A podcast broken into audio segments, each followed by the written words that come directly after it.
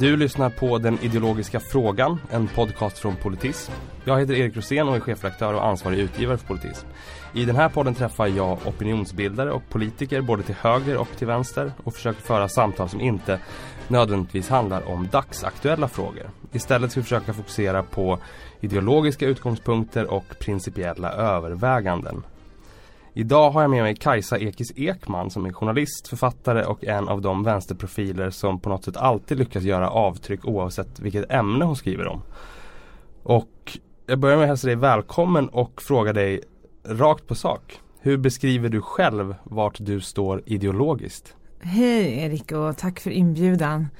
Ja, um, det, den frågan är lite svår att svara på i och med att jag är ju inte ett parti eller en myndighet utan Nej. jag är ju en skribent så att jag menar jag sysslar mycket med idédebatt och sen även recenserar jag litteratur och sen kortare texter som är liksom propagandistiska eller vad man ska säga som är liksom mm.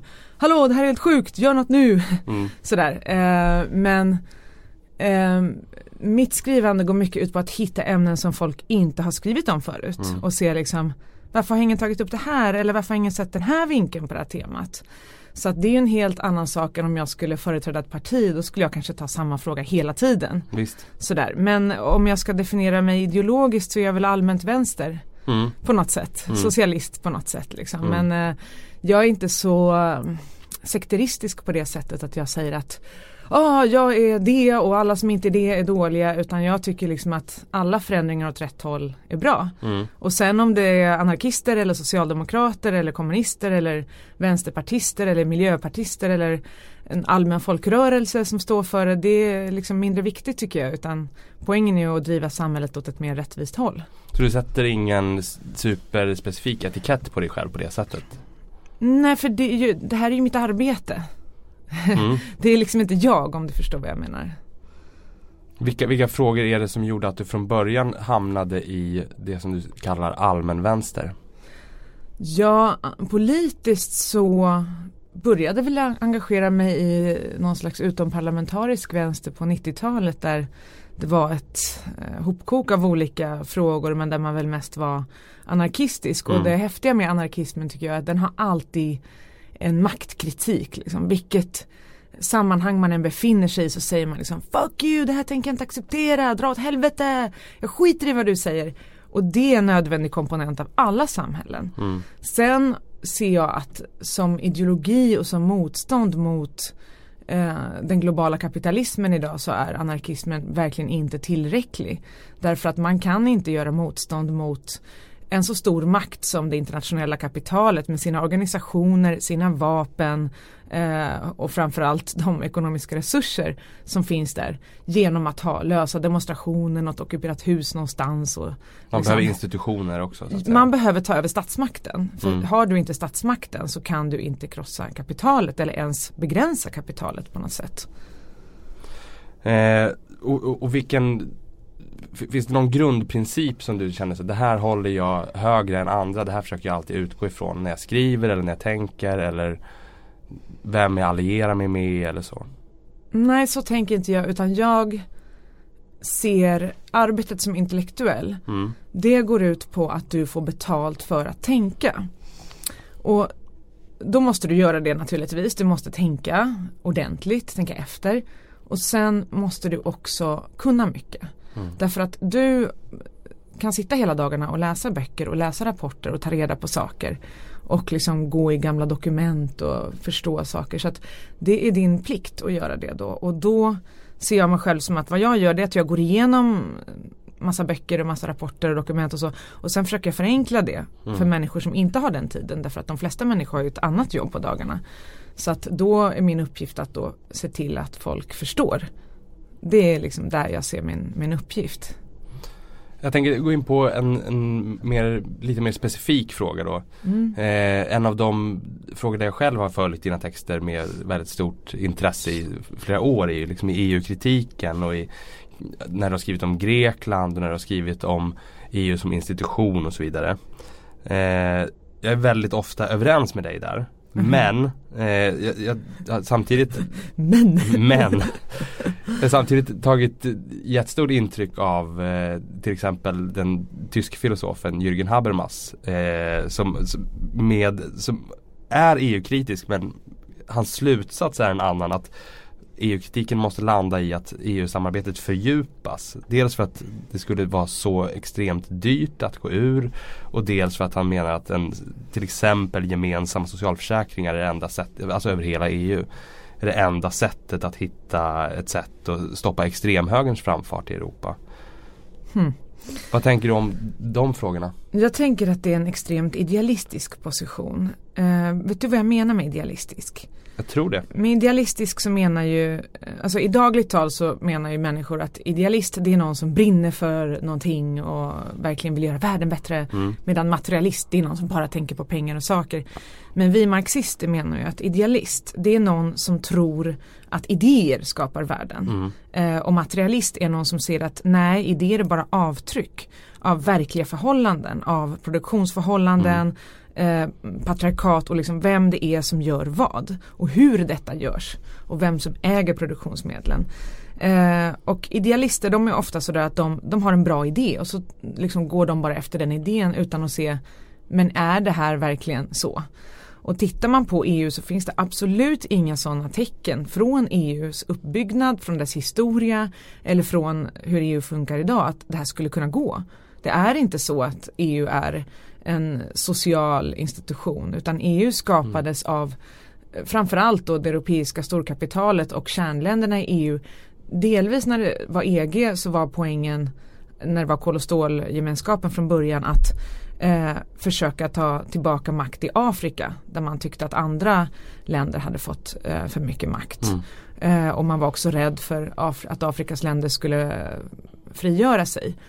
Um, så att då ville man gå ihop för att på något sätt återkolonialisera eller bevara sina intressen i Afrika. Så det var grunden och sen har man målat över det här liksom med någon slags fin färg och sagt att nej det här var fred och så vidare. Men läs det här fördraget eh, som då låg till grund och se vad det står där. Mm. Och det handlar väldigt lite om fred. Eh, det står några inledande ord. Sen handlar det mycket om vad ska priset vara på det ena och det andra och hur ska man mm, försäkra tillgången på olika råvaror. Och tittar man på så när EU bildades ur EG så var det också det europeiska storkapitalet som var drivande. Mm. Och det är inget konstigt, det är inte någon konspiration utan vad det handlade om det var att det europeiska kapitalet, våra företag hade hamnat bakom de japanska och de amerikanska företagen. Och därför ville man göra det enklare för dem att verka på eh, en europeisk marknad och det var då man gjorde Maastricht, det vill säga eh, fri rörlighet för mm, varor, tjänster, kapital och, eh, och arbetskraft. Inte människor alltså utan arbetskraft var ju poängen. Eh, för att då man skulle kunna få en större spelplan för kapitalet. Så att tittar man på vad EU är så måste man ju se att det här har varit eh, det europeiska kapitalets största projekt mm. Eh, under efterkrigstiden. Det går liksom inte bara att tänka att nej men vi, vi gör om det här. Men hur då? Hur mm. ska detta gå till undrar jag? Nej men och, och jag, jag, delar ju egentligen i grunden den uppfattningen men jag, jag, tycker ändå att det finns någonting övertygande i diskussionen om att det är ännu svårare att gå ur och så att säga börja om med någonting annat och att det är ännu svårare eh, att stå utanför EU än att reformera EU. Så du tycker det går jättedåligt för Norge då med andra ord? Nej, men, men de har aldrig å andra sidan gått med. Eh, om man tittar till exempel på, på Brexit så är ju det snarare ett, ett, illustrativt exempel på hur oerhört svårt det är när man väl har skrivit på alla de här fördragen. Och hur, hur stora förlusterna ser ut att bli för dem. Alltså för både, inte minst för liksom, de progressiva krafterna i Storbritannien. Ja men är inte det en lite pessimistisk hållning då att när man väl har fått något dåligt på halsen då måste man ha kvar det? Jo, för att det blir jobbigt att ta bort det. Det är som att säga att ja, du har en boja runt halsen men du kan inte ta av den för det är ont när du ska dra den över huvudet mm. så det är mm. lika bra att ha kvar den. Det är en pessimistisk hållning. så alltså, det kan man inte resonera. Jag menar EU har ju alla de här problemen som har kommit upp med Brexit, alltså rasism och allt det här, de är ju skapade av EU. Så inte, inte skapade av som att det var en medveten handling men att det som EU har gjort är att öka klyftorna mm. och eh, också skapa en motsättning mellan eh, de som är födda i ett land och de som kommer dit på arbetsmarknaden framförallt. Mm. Vilket var den typ av rasism som ledde till, till Brexit. Så det är ju någonting som EU har skapat så man kan inte säga att nej vi vill inte ha konsekvenserna men vi vill ha kvar orsaken. Mm. Nej men och, och, och jag håller med om det men, men jag menar samtidigt att det nästan är en pragmatisk hållning att se att de verkar ju typ knappt kunna gå ur. Ja men de kommer ju gå ur. Och jag tror att när de har gjort det så kommer andra länder se att det går att gå ur. Mm. Det är möjligt. Och vad, vad är alternativet eh, som du ser framför dig till EU? För, om, om man tänker ur ett svenskt perspektiv. Men hur tänker du dig att man måste ha ett alternativ? Nej men jag, jag tänker mig i, i relation till eh, sånt som eh, migrationspolitiken till exempel. Det är jättetydligt att man måste ha någon typ av alternativ. Men alternativ i form av vad? I form av samarbeten. Ja. Men då man kan väl samarbeta om det utan att uh, köpa hela paketet som EU är. Mm. Med överstatlighet på massa andra områden. Så du vill inte så att säga ersätta det med en annan typ av koalitionsbygge inom Europa utan du menar att Alltså en gång skrev jag en artikel där jag tänkte på hur, om man skulle kunna göra Norden till ett land till exempel. Mm. Eh, jag vet inte ens om jag håller med min egen idé där men det var bara en tanke som jag kastade fram för jag tänkte att det skulle vara intressant att diskutera. Um, men jag ställer mig lite frågande till när folk säger att det måste finnas ett alternativ. Mm. För jag menar Norge står utanför EU, de behöver inte ett alternativ. Alltså, de flesta länder i världen står utanför EU utan att behöva ha ett alternativ. Mm. Vi stod utanför EU fram till 94 utan att ha ett alternativ och vi hade ju ett mer jämlikt samhälle då. Mm. Ja, nej men fair enough. Sen kan man ju ha kvar själva byggnaderna alltså som finns med EU-parlamentet och alla tolkar och allt det här. När, när liksom man vill skapa ett annat samarbete, man behöver inte riva ner dem, man kan ju använda det till något annat. Men jag tycker Habermas påminner lite om Varoufakis där i den här mm. liksom orubbliga idealismen där han liksom först stångas mot EUs elit, misslyckas totalt med att få igenom ens en liten liten förändring Visst. till Greklands fördel och sen åker runt och propagerar för ett socialt EU som han själv har misslyckats mm. med att uh, få igenom så jag förstår inte liksom var detta ska komma ifrån. Och så åker han runt till England och säger att de ska vara kvar i EU för det kan bli bättre. Göran Greider håller också på sådär, jo men det kan bli bättre. Men vi har ju varit med sedan 94 och titta då på, om du går tillbaka till debatterna till exempel. Gudrun Schyman, vad hon sa när hon var vänsterledare då, allting när hon debatterade mot Ingvar Carlsson, allting hon sa har ju fallit in. Mm, det visst. blev ju precis så. Ja men det tycker jag är intressant när man lyssnar på um, Göran Persson också innan han bytte uppfattning i frågan om euron. Just det. Eh, allt det han varnade för när han mm. var euromotståndare blev ju också det faktiska utfallet. Sen mm. ändrade han sig plötsligt. Men, ja. eh, om, om, apropå Varoufakis och eh, DM25 heter de va? Mm. Eh, den är du uppenbarligen inte så imponerad av. Eh, men vilka europeiska rörelser tycker du ger hopp om någon progressiv politisk utveckling nu? Eh, Podemos och Syriza och Melanchon känns ju som att de i huvudsak står och stampar i bästa fall eller är på tillbakagång i sämsta fall? Jag vet inte om det är en intressant fråga om man ska sitta och bedöma olika rörelser Nej. på det sättet utan om någon lyssnar på det här så vill jag säga till den att bli aktiv på något sätt. Mm. Jag menar att sitta här och säga att den här rörelsen är bra och den här går inte bra för. Jag menar allt handlar ju om hur mycket vi kämpar. Mm. Så att det som idag verkar stå och stampa kan imorgon ta över. Eh, det var som Syriza, de hade 4% ingen tittade på dem. Sen kom de i regering. Mm. Nu har de sålt ut sig till kapitalet. Men alltså det är inget som säger att inte de kan liksom bli ett annat parti imorgon om massa andra människor går med eller att ett annat parti kan segla upp. Så att det är egentligen inte så intressant att sitta och bedöma utan jag tycker att liksom alla människor borde organisera sig. Mm. Därför att eh, det är bara så vi kan få en samhällsförändring. Ja, nej, men frågan utgår ju någonstans ifrån ifall det är någon som gör det på ett sätt som tycks funka extra bra eller så. Där ser jag ju kanske att brittiska Labour är de som det går bäst för just nu. För, för inte... att flest verkar rösta på dem eller? Ja, och för att de också påverkar eh, den konservativa regeringen ganska mycket genom att mm. sätta åt dem i väldigt många frågor. Jaha.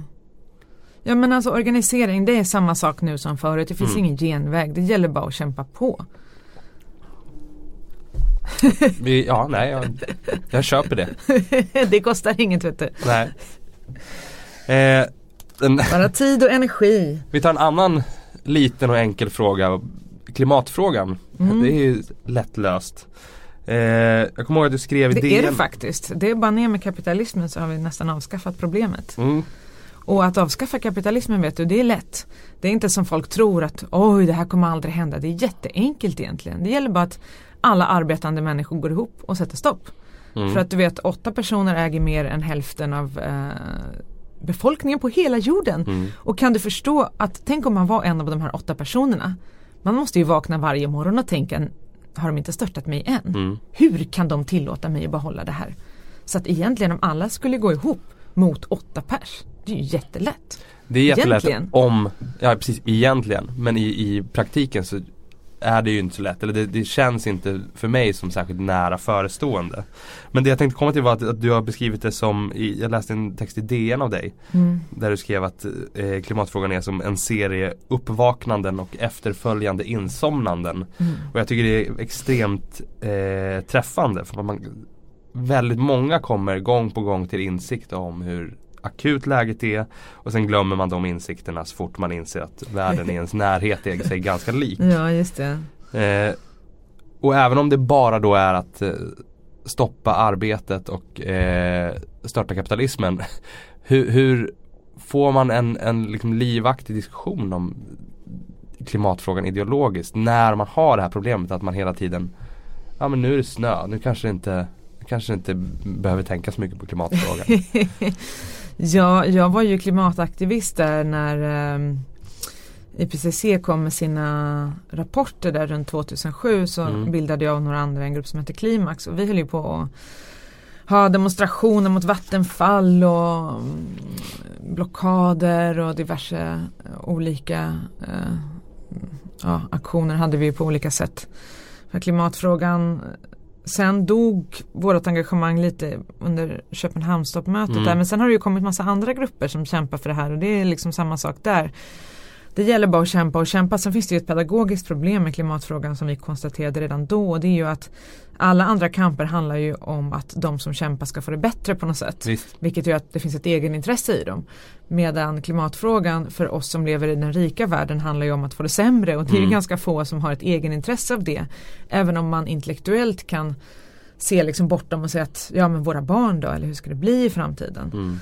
Ehm, och det är ju faktiskt intressant med nästan alla de här klimatmedvetna personerna så beskriver ju de att George Monbiot till exempel att det var när de fick barn som de insåg att hjälp, livet slutar inte med mig Mm. utan jag måste tänka på framtiden. Eh, Problemet är att vi har inte fått stöd från politiskt håll för, från våra kamper och det är därför det dör ut hela tiden. Därför att man har kämpat mot Förbifart Stockholm, det skiter de i, de ska ha det ändå. Eh, vi röstade på att de skulle låta kolet vara kvar i marken, Mm. det skiter de i, de säljer ut i alla fall och så vidare. Och eh, flygskatten, liksom en jätteliten grej som är helt omöjlig att driva igenom. Eh, det var ju planerat redan då. Visst, 2006 var det väl, men slutade med att eh, Svenskt flyg, intresseorganisation, fick in sina företrädare i den dåvarande borgerliga regeringen och stoppade flygskatten. Mm. Så att, eh, jag menar, vet du vad, läser du tidningar från 70-talet, om du mm, liksom går till arkiven och kollar på Aftonbladet till exempel, så ser du ofta så här 20 kvinnor gick upp på kommunkontoret eller gick upp i, i regeringen och sa att vi tycker att eh, vi ska ha en park här. Mm. Ja, och då lyssnade politiken på dem och de fick en park. Så att det var ofta så att det var lättare att få igenom saker. Idag kan du kämpa och kämpa och du liksom strider dig blå men det spelar ingen roll för att du har inte det här gehöret. För att det är så stor distans till beslutsfattarna helt enkelt. Eller? De skiter i vad vi säger. De bryr sig inte. Och därför är det ju på något sätt väldigt jobbigt att bedriva politisk kamp för någonting som klimatet. Därför att det är svårt att få igenom någonting och då tappar man ju hoppet till slut.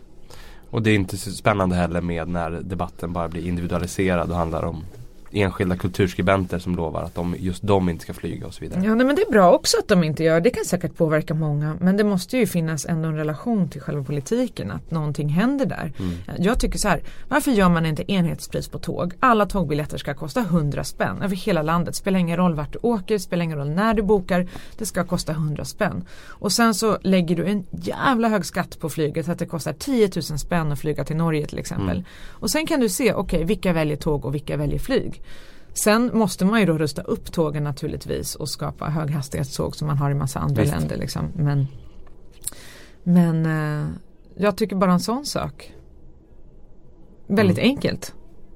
Ja, Sen kan man ju välja flyg om man vill ändå. Man kan ha sitt fria val på att det kostar jävligt mycket. Mm.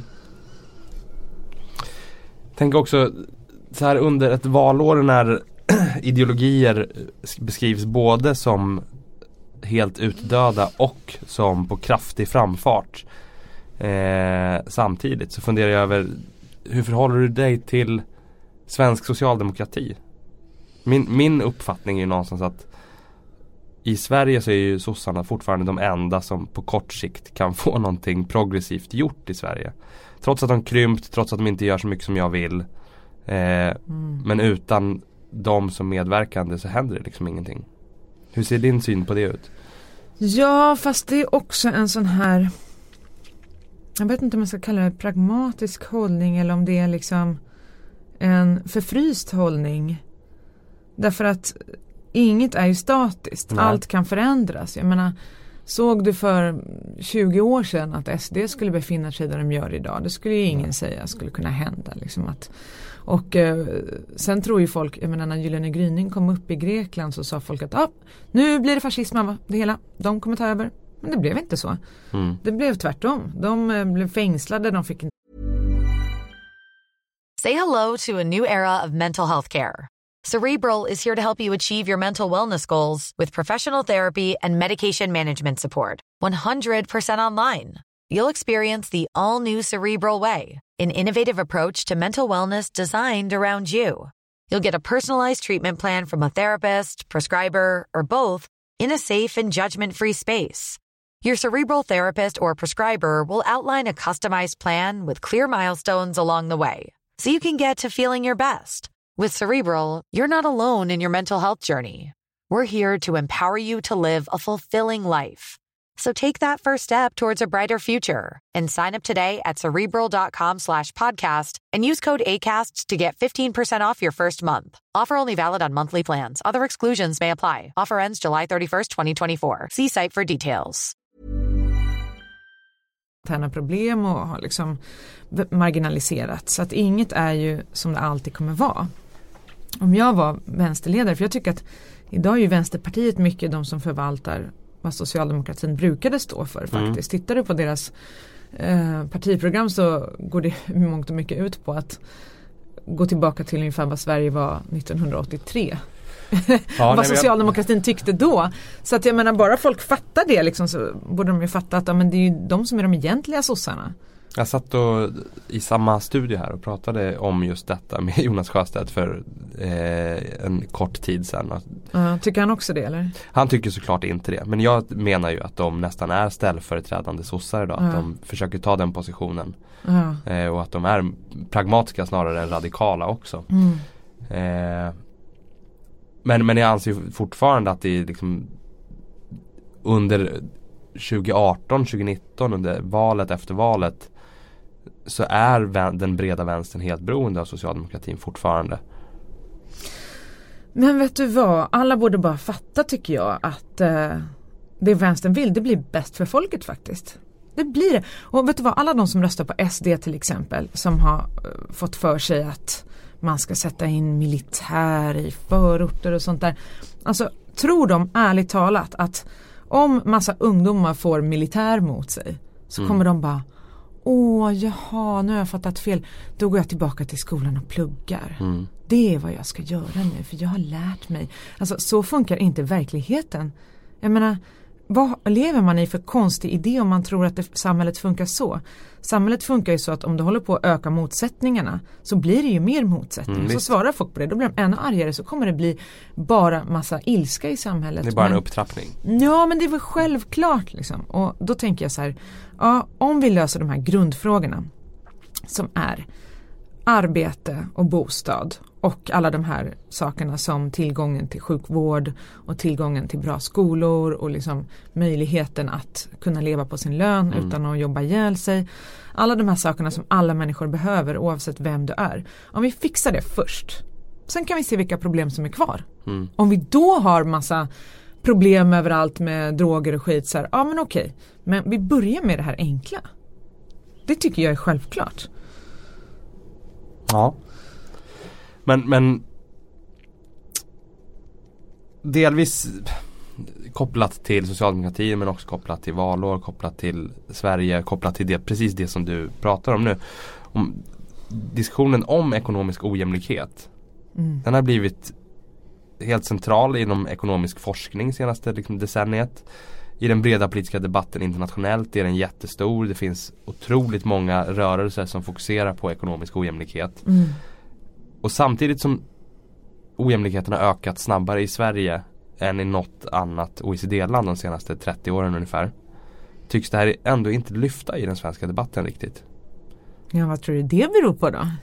Ja, det är det, det jag tänkte att du skulle berätta. det beror på att det finns en härskande klass som är de som har tillskansat sig merparten av resurserna och som bland annat äger nästan alla medier och som absolut inte har ett intresse av att ta upp den här debatten.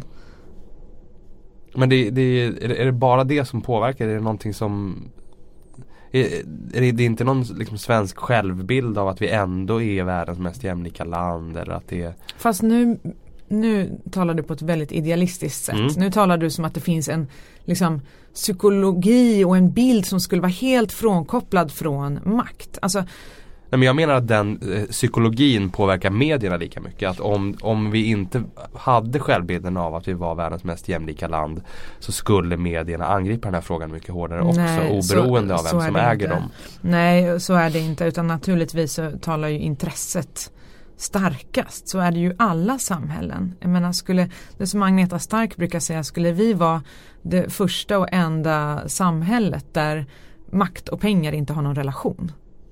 Det är ju absurt. Absolut. Jag menar, naturligtvis är det ju så att de flesta människor, 90% av alla människor av oss som säljer vår tid, lönarbetar för kapitalet, har ju ett intresse av en annan världsordning. Men det är inte vi som äger medierna. Sen kommer det fram lite röster då och då men det är väl klart att de människor liksom pratade hur som helst utan, någon liksom, utan några medier så är det klart att diskussionen skulle se annorlunda ut. Mm. Ja. Det är ju sam, samma maktrelationer här som i resten av världen. Det handlar ju om makt och resurser. Det är på allvar, det är på liv och död. Folk dör i krig för sådana här saker. Nej, men jag, jag, jag håller med dig om, om mycket av det du säger eh, även om jag menar att vissa frågor alldeles oberoende av vem som äger medierna mm. så lyckas man slå an en sträng mycket tydligare. Mm. Eh, och jag ser själv problem när man skriver om just ekonomisk jämlikhet de mm. senaste åren. Att det gör inte det på samma sätt. Eh, Men vad menar du med slå an? Att, att man omedelbart känner att det här är någonting som engagerar, som får läsning, som eh, gör att folk börjar svara, på, diskutera frågan, man får svar, man får eh, det uppstår och växer fram en debatt. Men skriv bättre då. Ja precis, det kanske bara är det. ja det är klart, om du skriver bättre då kommer du få mer respons. Du måste bara komma på ett sätt och det måste alla vi göra, ett sätt att skriva om de här frågorna så att det blir så. Mm. Man kanske måste skärpa till sig lite, tänka vad, vad är liksom Vad är grejen egentligen? Vad är det som inte har sagts förut? Mm. Alltså Jag tror så här, om man ska komma dragande med rapporter och sånt där Det är någon slags det kan ju vara intressant för att belägga det man vill säga. Men det är ju inte så att någon vanlig person liksom som sitter någonstans kommer och tänker Åh, nu har det kommit en rapport som bevisar det jag alltid har Nej. vetat. Ja men åh, oh, wow! så är det ju inte utan Nej. det är ju vardag och verklighet för de flesta människor vet ju redan det här och därför kanske man inte blir så engagerad när man kommer och säger att nu har det kommit en rapport som visar att ojämlikhet ökar mest. Mm. Om, om vi pratar eh, organisering som du var inne på tidigare. Eh, i, I Sverige är det många som retar sig på, eller så här, det är inte jättemånga, men, men det är många som i, samhällsdebatten som retar sig på att de svenska fackförbunden till exempel är för snälla och för mesiga och att deras kamp är eh, inte tillräckligt konfliktorienterad. Vi hade liksom rekordfå strejkdagar under 2017 mm. och så vidare. Mm. Eh, jag kan själv också tänka så ibland. Men samtidigt när jag ser på fackförbund i USA eller Frankrike så blir jag extremt avskräckt av de små radikala yeah. facken som har mycket lastbilar som blockerar vägen men som aldrig får igenom någonting överhuvudtaget. Ja precis, Nej, men det är ju sant. Alltså, svensk fackföreningsrörelse har ju fått väldigt starkt inflytande över svensk politik vilket gör att man inte alltid behöver ta till sådana här uh, stridsmetoder som syns utan Mm. man har ju en direkt ingång till makten på ett helt annat sätt. Så att det är klart att vi ska absolut inte vilja ha en sån situation i Frankrike där man är så desperat att man bara måste ställa sig på gatan för att annars lyssnar ingen. Det är ju en akt av desperation. Men däremot tycker jag att de senaste och det hör ihop med hela det här som jag kallar kapitalets motoffensiv. Att kapitalet har eh, gått samman och, och gått på krigsstigen på ett helt annat sätt de senaste 20-30 åren och att liksom fackföreningsrörelsen har inte kunnat svara riktigt Mm. utan man är på något sätt kvar i Bes- någon beskriv idé. kapitalets motoffensiv för de som Det är det här som alla tror är nyliberalism och ett ord som jag hatar därför att det har ingenting med någon nyliberal teori att göra utan eh, vad det här har med att göra är ju att man har eh, sett till att öka profiten vilket är ju alla företags eh, poäng liksom, Mm. eller raison d'être. Och eh, man har gjort det genom ett antal strategier till exempel att man flyttar företagen där det är billigare arbetskraft, man ställer fackföreningar mot varann. Man eh, just genom EU har sett till att trycka ner arbetstagares rättigheter så att löneandelen, det vill säga den andel av eh, produktionsresultatet som går till själva arbetaren har minskat konstant Mm. i de kapitalistiska rika länderna de senaste åren. Eh, man har finansialiserat vilket betyder att och det är också en effekt av när det går för bra för kapitalet. Man har tryckt ner löntagarna så mycket som i USA att de måste ha tre jobb för att överleva. Mm, mm. Och ändå kan de inte köpa något. Vem ska man sälja produkterna till? Mm. Alltså det började ju med att de gjorde dem i Kina och så sålde de dem i USA. Eh, och där fick de en mellanskillnad. Men när inte ens amerikanerna kan köpa liksom en skräp från Kina längre. Vad gör man då? Jo man lånar ut pengar till dem. Så då skapar man det här bolånebubblan som man har haft både här och där. Där man lånar ut fejkpengar som inte finns och sen får folk arbeta ihop dem och ge dem till banken. Sen blir det en krasch. Ja, samma personer då får betala bankerna via skatten och allt fortsätter, fortsätter som vanligt. De lurar oss. Alltså kapitalism är ett enda jävla lurendrejeri och röveri av vanliga människor. Och en annan grej som jag tycker alla borde ta upp det är till exempel kasinon som lurar arbetarklassen. Vilka är det som äger kasinon, online-kasinon, Maria och det där skit. Det är Stureplansfolk, backslick som sitter där på sina lyxjakter med arbetarklassens pengar. Med vanliga killar, unga förortskillar bland annat. Som tar lån, 25% ränta från en bank, så banken tjänar pengar. Sen tjänar kasinot pengar på att lura av han det sista han äger och har. Kommer aldrig kunna tjäna ihop de här pengarna, driver in folk i brott. Men den största brottslingen det är den här jävla Stureplans kasinoägaren. Som dessutom eh, har, har liksom fått sin verksamhet legaliserad. Därför att det här är ju egentligen olagligt men genom att hålla på och förlägga det utomlands och sådär så kan man annonsera i typ alla tidningar och på nätet och kollar på en fotbollsmatch idag, vad ser du? Reklam för att spela bort dina pengar. Visst. Det är överklassen som lurar folk. Och en annan skitgrej som jag måste ta upp med det här Ja. Klarna-skitet som håller på att lura av folk pengar genom att de ska köpa något på nätet och betala sen. Alla glömmer bort det och sen så tar de ens pengar. Mm. Så, överklassen, de lurar av arbetarklassen pengar på ett eller annat sätt. Hela tiden, det är vad kapitalismen går ut på. Men det är de arbetande människorna som arbetar ihop pengarna som gör att samhället funkar. Och om vi knyter ihop det här med din frustration över att facken är för snälla. Ja men alltså det här med kasinot har ju liksom inte med facken Nej nej, att nej göra. det fattar jag. Det är med. Det har inte med det att göra. Grejen är att alltså, Men det har med kapitalets motoffensiv det har med göra. kapitalets motoffensiv att göra att man har lyckats trycka ner fackföreningarna på olika sätt genom att ställa olika länder mot Mm. varann. Och där man, har man ju man har ju fått eh, protektionism att verka som någonting dåligt. Ja det ska vara frihandel, skitbra. Men jag menar det är ju bara bra för kapitalet därför att de kan ställa liksom olika länders arbetstagare mot varandra. Mm. Och säga liksom om inte du eh, jobbar för det här då finns det någon annan som gör och så vidare. Ja, samtidigt som de stora företagen blir mer protektionistiska själva. Alltså ett, ett nästan banalt exempel Mm. är ju hur Apple-produkter bara funkar med speciella Ja Apple-produkter. precis, det där har jag skrivit om. Att det är liksom, exakt, det där är protektionism att de säger varför kan inte samma laddare funka liksom överallt? Nej det Mm. går inte. Utan, och de syr in sina produkter i varann så att för att ha en måste du ha resten och så vidare. Mm. Så att, precis som du säger, det är ju så. De, eh, såklart, alla företag när de är på väg upp vill de ha konkurrens. När de är där uppe då vill de ha monopol. Ja, jag tänker att eh, Egentligen precis apropå det du säger. Eh, bostadsfrågan är ju en sån eh, fråga där människor har belånat sig upp över sina öron. Mm. Eh, och därför får materiella intressen som de tidigare inte haft. Till exempel att någon som bor i en bostadsrätt med lån som inte har några egentliga marginaler och inte har råd med en värdeminskning mm. då kan bli få ett materiellt intresse av att motsätta sig att de öppnar flyktingboenden i närheten eller hyr, bygger hyresrätter och sådär. För att man kan få en värdeminskning. Nej men det tror inte jag, det drar det för långt. Man har inte ett materiellt intresse av det. Däremot har man ett materiellt intresse av en låg ränta. Och där tycker jag, alltså så här, 48% av svenskarna har idag ett bolån. Mm. Det är typ hälften av oss har ett bolån. Okej, okay. så vi betalar pengar till banken varje månad.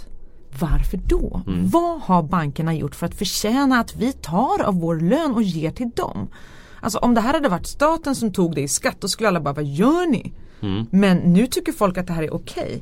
Men det tycker jag man borde driva som politisk fråga. Nu med minusränta och allting. Förra året tjänade de fyra storbankerna 90 miljarder kronor nästan enbart på våra bolån. Mm. Om vi skulle kräva att räntan ska vara 0,5% högst. Antingen då vi tar SBAB och så sätter vi den räntan och sen så kommer alla gå över mm. till dem såklart. Eller att vi gör en regel som säger att bankerna får inte ta ut mer än 0,5% i ränta. Eh, och sen så i så fall från statligt håll så skulle vi kunna använda de här pengarna till att göra bra saker istället. Men varför ska alla vi i bankerna våra pengar? Hur dumma är vi som accepterar det här? Jag fattar inte det. Det är ju vårt intresse. Alla ja, som har bolån. Jag är helt enig med dig om detta. Men en jag, jag liten värdeminskning eller ökning på så lägenheten man har. Alltså den väger ju ganska lätt i jämförelse med det här rånet som bankerna tar varenda jävla månad. Helt med dig på det. Vet men jag, jag menar att det är svårare här, att få med sig människor nej, på det detta just för att eh, man ser värdeminskning som ett hot mot sin nej, privatekonomi. Nej, nej, nej, nej, vet du vad. Om Vänsterpartiet skulle säga så här. Vi lovar 0,5% ränta till alla. Alla människor. Ja, mm. Eh, efter valet så blir det så. Alla bostadsrättsinnehavare skulle rösta på dem. Självklart, man tjänar ju pengar på det. Mm. Men fan skulle vara så dum och säga nej men jag vill hellre ha 4% ränta. Mm. För det väljer jag, det gör ju ingen. En annan grej, försäkringar, ja, försäkringar till exempel.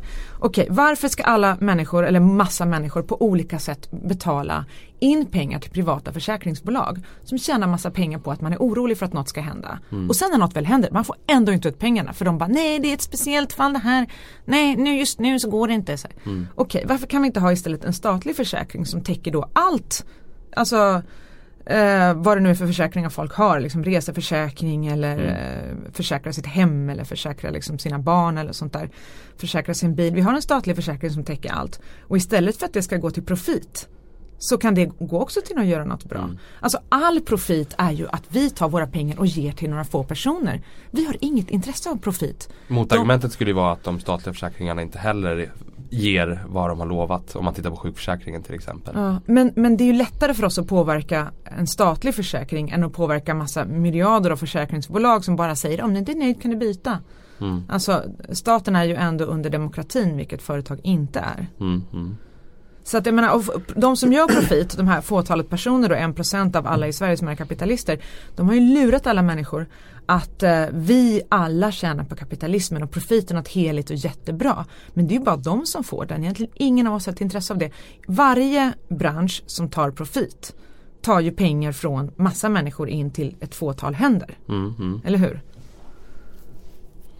Ja, jag tänker att vi ska eh, gå in på, även om vi inte skulle prata så mycket dagsaktuella frågor så tänkte jag det finns ändå en ideologisk dimension även i den. Mm. Eh, och det är den köns och transdebatt som du själv varit en del av senaste tiden. Eh, skrivits jättemånga texter, du har skrivit två av dem tror jag. Mm. Eh, och det finns en del frågeställningar du presenterar där som jag tycker är rimliga. Främst kring liksom, behovet av försiktighet med väldigt unga människor och hur man hanterar deras, eh, ja men till exempel eh, könskorrigerande kirurgi och åldersgränser och så vidare. Där tycker jag att det finns väldigt, det är väldigt viktigt att vara försiktig där. Mm. Eh, jag fattar också verkligen vad du menar när du pekar på riskerna med att begreppet kvinna liksom försvinner ur massa sammanhang. Men en fråga som jag verkligen ställer mig när jag läser dina texter Det är att jag får ingen tydlig bild av vad du vill? Liksom, vad borde förändras? Vad borde ske? Vad, vad, är, vad är ditt endgame här? Men gud, jag som har kämpat så mycket med de här texterna och ändå så får man ingen tydlig bild. Jag måste ha misslyckats i så fall. Alltså jag tycker jag skriver det väldigt tydligt. Alltså för det första, eh, det finns massa länder som har ändrat just definitionen på vad kön är. Mm. Så att man gör det möjligt då att ja, du kan gå upp och byta ID-kort bara genom att säga att jag är det ena eller andra så kan du liksom byta. Eh, och eh, det finns ju lagförslag även i Sverige om att göra det här. Och i, även innan det här har gått igenom så finns det ju massa olika liksom, nivåer i samhället, organisationer och så vidare som då eh, har, har, redan genomfört det här. Liksom, att bara du säger att du är ett kön så är du det. Och jag menar igen på att det här är idealism därför att eh, kön existerar ju på riktigt, det är ju någonting materiellt. Alltså det finns ju, det är ju inte bara i huvudet. Utan det existerar ju. Och jag menar på att vi kan inte bara genomföra den här förändringen utan att diskutera. Så jag väntade på när kommer diskussionen? Jag har väntat i flera år. Det blir ingen diskussion. Ingen tar i det här. Och jag bara, nej men fan jag skiter i liksom. Jag, jag tar det här. Jag vet, jag kommer få så mycket skit. Jag vet att säkert förlorar jag massa jobb av det här. Jag vet att jag kommer liksom bli eh, dragen i smutsen och kallad för det ena och andra. Men om jag ska våga kalla mig intellektuell så måste jag kunna ta i frågor även om jag vet att jag får skit. Mm. Så jag gör det ändå och sen får det gå som det vill. Och jag liksom försöker verkligen diskutera det här på ett resonligt och liksom trevande sätt där jag försöker ändå bena ut vad betyder det här egentligen? Att man börjar se kön på det sättet att du liksom kan välja själv utan att liksom ens göra någon operation och så vidare. Och framförallt vad har det för konsekvenser för kvinnor? Därför att eh, det finns ju många utrymmen som är liksom bara för kvinnor och det finns anledningar till det, nämligen att det finns sexuellt våld i samhället. Det finns också alltså könsuppdelad idrott vilket också har materiella anledningar. Våra och era kroppar är annorlunda. Eh, och därför, det är ju så, vi skulle ju komma sist i alla tävlingar om man slog ihop kvinnor och män. Men, Förutom någon kanske övermänniska som skulle vinna över männen. Men alltså det är ju så att våra kroppar är olika skapade och därför så har vi ju egna tävlingar. Så när man nu säger att nej men det räcker med att ha liksom levt som kvinna i fyra år för att du ska kunna tävla med kvinnor även om du är född som man. Så menar jag på att vi kvinnor förlorar på det här. Mm. Alltså, om, om, man tittar på den tyngdlyftaren till exempel som du nämner i din text. Mm. Då är det en person som har testats hela tiden och inte har några testosteronnivåer över de här gränserna som har diskuterats och som finns inom tyngdlyftningen. Eh, men utan som liksom på alla, med alla mått mätta är inom de ramarna. Men du menar med, att medans, enda skillnaden nej, mellan män och kvinnor är testosteron då eller? Nej, i, inom tyngdlyftning så ser man det som det en, en, avgörande eh, faktor. Man eller du? Man inom idrotten. Ja, men vad eh, tycker du? Jag tycker Ja, jag vet inte, jag, jag, kan alldeles för lite om tyngdlyftning men jag vet att testosteron är oerhört avgörande och det är det jag ska komma till. Eh, för att medans Laurel Hubbard eh, då är under de här gränserna så är de främsta företrädarna från de nio ledande nationerna i tyngdlyftning har ju dömts för doping och ändå kom, kommit tillbaka och är, har alltså varit liksom långt över de här nivåerna. Eh, där tycker jag snarare att det exemplet blir lite så här är, är det verkligen den enda transkvinnan som är problemet där? Eller Nej men liksom... alltså snälla du, jag tar exempel. Jag har inte mm. skrivit en bok, jag har skrivit en artikel. Mm, jag skulle mm, kunna mm. ta 20-30 exempel till från sportens värld. Nu tog jag ett exempel. Men menar du på allvar att man kan förvandla en man till en kvinna eh, bara genom att eh, liksom sänka testosteronet? Vet du att män är längre än kvinnor, man har mer muskelmassa, man har en helt annan benstomme man har en annan höftbredd. Det finns många anledningar till att män generellt är starkare än kvinnor och det är inte bara testosteron. Det finns såklart många skäl till det. Men och vet det, du också att det som är det så jävla orättvist. Det finns också väldigt stora variationer inom könen. Ja men precis, det är ju därför inte alla springer lika fort eller alla män hoppar lika högt. Det är därför någon vinner. Men det finns ju en anledning till att man har olika tävlingar för män och kvinnor. Och det jag tycker är intressant det är att kvinnor får ju inte eh, hoppa in i männens tävling och säga jag är man och därför liksom jag tar mer testosteron därför att det anses som doping. Ja. Förstår du? Så att det är ju där vi kvinnor förlorar på det här. Och hur tror du det känns för den kvinnan som kom tvåa i den här tävlingen då som annars hade vunnit? Tror hon tycker det är rättvist?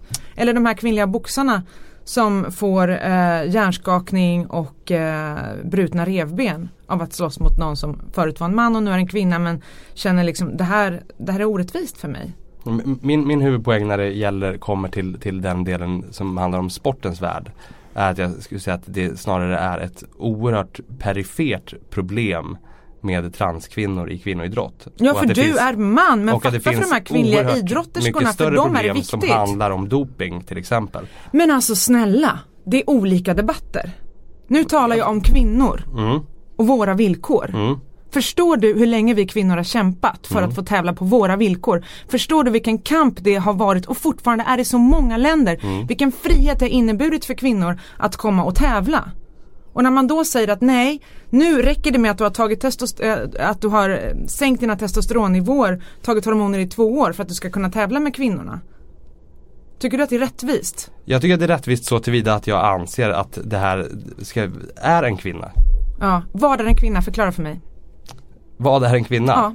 Ja. Eh, det ska jag säga eh, har det, det konstitueras av flera olika saker. Det kan konstitueras av ditt biologiska kön, eh, hur du föds. Eh, men du har också en könsidentitet som inte behöver vara detsamma med till vilket biologiskt kön du föds. Och vad är det då? Förklara för mig. En könsidentitet. Mm. Den måste ju handla om eh, din självidentifikation eh, och hur du ser dig själv och din rätt att bestämma över dig själv någonstans. Okej, så du menar alltså att kön både är någonting man föds med och någonting man då väljer? Jag ser ingen anledning till att det bara ska vara det ena eller det andra. Varför då? Jag förstår inte, var, varför inte? Det, det, det, Men du tar, ju, du tar ju två definitioner som är totalt motsatta varandra. Vilken ska då gälla? jag, jag förstår inte hur könsidentitet kan vara någonting som bara skulle vara binärt eftersom det varierar och fluktuerar så oerhört mycket Alltså det mellan här människor. ordet binärt, jag står inte ut. Det finns ingen jävla binär ordning. Det finns ett patriarkat. Det finns en hierarki. Mm, Män över och kvinnor under. Det är ingen jävla binär noll och ett ordning. Det Men handlar om en patriarkatet hierarki. finns ju alldeles oavsett om en könsidentitet är binär eller ej. Nu förstår jag inte riktigt hur du menar. Vad är en binär könsidentitet? En binär könsidentitet, då är det antingen är du man, kvinna, det finns inga eh, nyanser däremellan. Ja, men Och vad betyder det som identitet menar jag? som, vad en binär könsidentitet betyder. Ja, vad, hur Det är en sån att- person? Förklara för mig. Det betyder att alla eh, män identifierar sig och ser på sitt kön på ungefär samma sätt. Skulle jag säga. Men det är ju ingen. Nej precis. Det finns ju ingen som är så. Det är precis Alltså, det som är Vet du vad, likhetsfeminismen som jag tillhör har länge definierat kön som att kön är enbart du föds med snippa, du är tjej, du föds med snopp, du är kille. Mm. Det säger ingenting om hur du har håret, eh, hur du klär dig, hur du liksom pratar, vilka jobb du har eller någonting. Friheten är att kön bara ska vara den där grejen och inget mer. Förstår du? Mm. Det är jag med på. Ja. Men hur går det då ihop med en syn på kön som att du väljer någonting, men vad är det du väljer? Ja men din, din syn på kön eh, där du identifierar dig utifrån att det, det finns i, i vårt samhälle idag finns det så oerhört många som inte känner sig hemma i det här, som inte trivs i det här och som Ja, mår men det är oerhört dåligt av genus det du här. talar om då, inte kön. Ja, det Vet vi du kalla det. skillnaden mellan genus och kön? Jag vet skillnaden mellan genus och kön men jag tycker Mm. att könsidentitet som jag beskriver det eh, ligger för all del närmare genus. Men det är egentligen bara olika ord för samma sak vi talar om i så fall. Ja men alltså könet, det är ju om du är, herregud. Det är ju om du är hona eller hana om vi går till liksom biologin. Det är liksom din reproduktiva funktion. Sen är det klart att alla inte har liksom en reproduktiv möjlighet därför att alla människor föds inte så. Men liksom generellt så är det ju så att det finns i människan, liksom, de som föds med spermier och de som föds med, med livmoder. Det är ju inget liksom, ideologiskt i det, så är det ju bara. Sen har vi ett patriarkat vilket innebär att vi har en hierarki där hanarna står över honorna och där det liksom är så att att vara den dominerande könsklassen som du tillhör förknippas med en mängd egenskaper, ett sätt att vara, ett sätt att klä sig och så vidare. Att vara hona som jag är förknippas med en mängd andra egenskaper som alla har på något sätt att göra med att vara underlägsen. Det är väl självklart att vi inte känner oss hemma i detta. Ingen känner sig hemma i detta 100%. Massa människor känner att jag vill inte vara i det här. Jag trivs inte, jag vill vara annorlunda. Det är väl skitbra, vi ska ju krossa det här, eller hur? På något sätt. Men- vi vill ju inte ha ett patriarkat. I min bok är det ju, där, där krossar man ju att, detta genom, eh, när detta bryts upp så krossas det snabbare snarare än tvärtom. Jo men det är inte att bryta upp och säga att det här liksom grundkroppsligheten då inte existerar eller att det på något sätt skulle vara ett resultat av patriarkatet. För det är det ju inte, det är ju neutralt. Men så här, om, om vi tar ett annat av de exempel du nämner. eh, i din text så är det den säga, Jessica Winfield eh, som förflyttades till ett kvinnofängelse som är våldtäktsdömd. Mm. Eh, där handlar det ju om en person som dömdes för ett brott 1995. Eh, eller för två våldtäkter. Som sen mer än ett decennium eh, har varit transkvinna i ett fängelse eh, där det bara sitter män. Som har trakasserats av personal och andra fångar. Och som i slutet av sin strafftid eh, har fått förflyttas till ett, ett kvinnofängelse. Då har jag väldigt svårt att se varför skulle den kvinnan vara ett större hot mot andra fångar än andra våldsdömda kvinnor i samma fängelse. Alltså fattar du ärligt talat inte det? Nej. Fattar du inte? Har du någonsin tänkt på hur det är att vara kvinna? Har du någonsin tänkt på det? Har du någonsin tänkt på hur det är att vara kvinna och vara våldtagen? Har du någonsin tänkt på att massa av kvinnliga fångar har varit utsatta för våldtäkt och massa skit i sitt jävla liv? För majoriteten av dem, de är inte där för att de har gjort saker utan de är där för att de har hamnat i ett jävla fucking liv som gör att de eh, ja, hamnar i brottslighet men majoriteten av dem har varit utsatta för massa saker från män. I England som i många länder så sitter man flera personer i en cell som de låser. Hur tror du att en kvinna känner när hon sitter i en cell med någon som är dömd för våldtäkt? Men jag tror att det finns andra kvinnor som är dömda för våldtäkt. Ja, kvinnor våldtar män också! Patriarkatet är ett påhitt! Nej, jag, jag Get tänker real for på- fuck's sake man! Jag tänker snarare på andra kvinnor i det fängelset som har våldtagit andra kvinnor. Eh, Ja, för det är ju ett så stort problem i samhället. Nej nej men Har jag, du någonsin kollat jag på våldtäktsstatistiken? Vet du hur många Jag pratar som om det här konkreta Okej men vet du exemplet. vad, så här. Om du kollar på våldtäktsstatistiken för ett år. Jag kollade på det för typ 2014 Mm. tror jag det var. Det finns inte en enda jävla kvinna dömd för våldtäkt i Sverige och så är det nästan i alla länder. Mm. De som våldtar är män. Det är väl fan i helvete självklart att kvinnor inte tycker det är så kul om man sitter i en låst cell med någon som är dömd för våldtäkt. Och jag undrar varför ska män, eller före detta mäns intressen alltid gå före kvinnors intressen i det här fallet? Kvinnors intresse att inte sitta med en våldtäktsman det spelar ingen roll för dig för du vill vara tolerant och du vill vara öppen. Så du skiter fullständigt i det. Nej, jag skiter Om den här kvinnan blir trakasserad i sin cell. Jag- Fullständigt Nej jag skiter du i skiter det. fu- inte fullständigt i det. Men, men eh, anledningen är ju att jag eh, till fullo betraktar Jessica Winfield som en kvinna. Men vad spelar det för roll då om du betraktar den här personen som, som en kvinna eller Det inte? spelar ju roll för min utgångspunkt. Ja för din utgångspunkt men för den kvinnan som sitter där och känner, sig, känner obehag Mm. så är det ju en annan sak. Jag menar okej, s- om vi går tillbaka till sakfrågan. Min fråga som jag ställde i den här artikeln är ju vad händer när vi då ändrar samhällets definition av kön så att kön är någonting som man då själv ska definiera. Och om man dessutom knyter det till diskrimineringslagar vilket betyder att Eh, om jag då till exempel säger att jag är en man eller du säger att du är en kvinna. Det behöver inte ens vara transpersoner. Jag talar inte om transpersoner. Jag talar om kvinnor och män här. Jag talar om en förändring som gör det möjligt för en man att säga, gå in i en kvinnas omklädningsrum och säga, nej men alltså jag är en kvinna, jag har rätt att vara här. Och ingen får ifrågasätta detta därför att kön är precis som du säger, någonting som man själv ska definiera. Okej, vad händer då? Om jag befinner mig i ett omklädningsrum och jag ser en person som för mig är en man då kommer det bli så att hans definition av sig själv är viktigare än min känsla.